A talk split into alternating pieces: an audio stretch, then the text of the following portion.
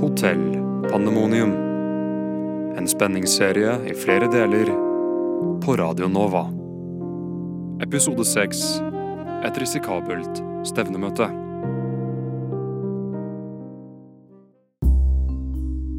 Etter et snodig møte med reporteren Stephanie Andersen er vår tapre helt privatetterforsker Arve Kvisthaug atter en gang på vei mot Hotell Pandemoniums bar.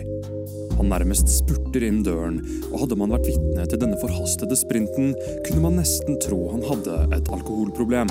Conny, jeg må prate med deg! Bartenderen Conny Konjakk ser opp fra fjellene av spritflasker hun befinner seg blant. Hun puster et glass og heller opp en drink. Jaså, Kvisti. Har du hatt en så dårlig dag? Kan ikke si deg julaften akkurat, men la oss få denne jernhesten på rett spor. Hva veit du om Stephanie Andersen? Reporteren. Hun er slu som en rev og seig som en fisk. Jeg hadde ikke satt meg i sidevogna på motorsykkelen hennes, for å si det sånn. Det var det jeg var redd for. Sjekk ut det her.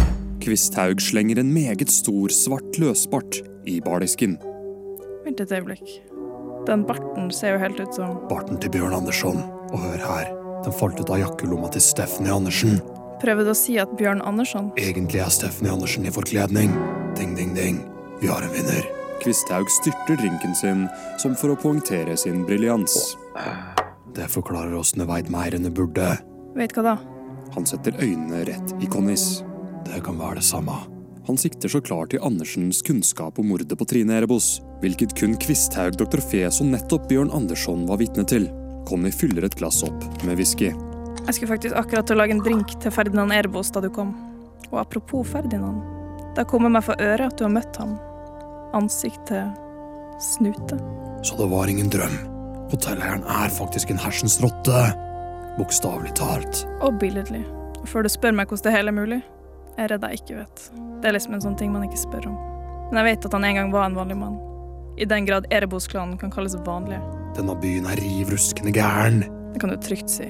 Det er rent helvete på jord. Hvis det er så jævlig, hvorfor ikke bare dra din kås? Hadde bare vært så enkelt, Kvisthaug. Men jeg kan ikke dra. Ikke så lenge den rotta i øverste etasje er i livet. Jeg hører hva du sier, men jeg skjønner ikke hva du mener. Jeg var bare et spedbarn da mora mi forlot meg på trappa til Hotell Pandemonium. Så har du vokst opp her i Kverkeby.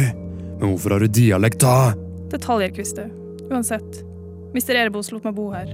Han tok meg inn, ga meg tak over hodet. I bytte mot at jeg skulle jobbe på hotellet så lenge han levde. Og han fortsetter stadig å leve. Så mora di forlot deg. Veit du hvorfor? Jeg vet ingenting, Kvisthaug. Bortsett fra at hun har bein i nesa og er direktør i fylkets største såpefabrikk. Faren min har jeg aldri fått vite noe om. Jeg regner med at han ikke engang vet om meg. Jeg forsona meg med at jeg mest sannsynlig var en ulykke. Ulykken i 67. 67.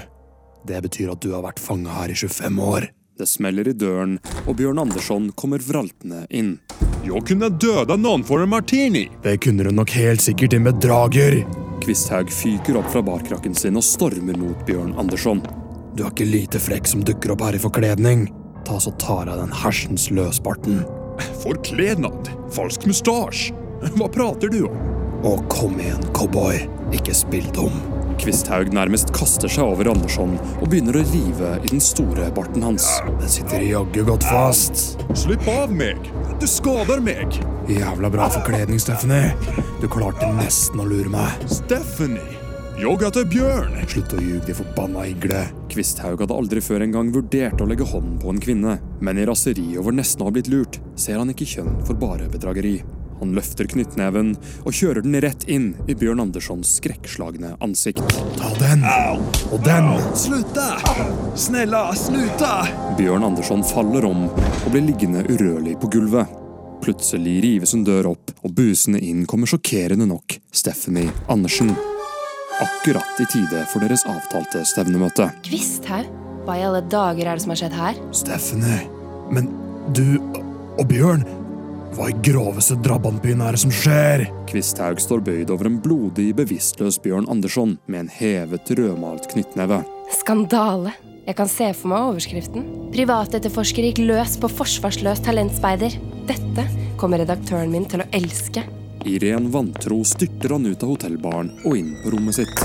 Han plukker opp telefonen og slår nummeret til partneren sin, Børre Barre. Jeg skjønner ikke Bære. Hallo? Børre, du må komme til Kverkeby. Jeg trenger hjelp. Jeg Altså, slapp av, Kvisthaug. Fortell meg hva som foregår. Kvisthaug hadde egentlig bestemt seg for ikke å fortelle noen om mordet på Trine Erebos, men han kjenner at han har problemer med å holde seg selv i tøylene. Noen har drept Trine Erebos, Børre, og jeg var sikker på at Bjørn Andersen gjorde det, men Men reporteren Børre, jeg Kvisthaug, pust med magen. Fortell meg rolig hva som har skjedd nå. Plutselig banker det på døren. Hold den tanken, Børre. Det ser ut til at jeg har fått besøk, og jeg tviler på at det er room service. Han slipper tak i røret og går bort til døren. Han åpner den opp, og det som venter seg bak, slår luften ut av ham. I døråpningen står ingen ringere enn Trine Erebos i levende livet. Vær i veien, Kvisthaug. Det ser ut som du har sett et spøkelse.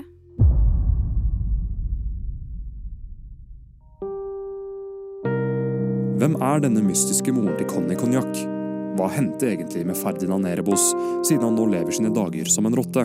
Hvis ikke Bjørn Andersson er Stephanie Andersen, hvem er han da? Og var ikke Trine Erebos egentlig død? Hva i all verdens land og rike gjør hun da på rommet til Kvisthaug? Hold øynene og ørene åpne for andre sesong av Hotell Pandemonium på Radio Nova.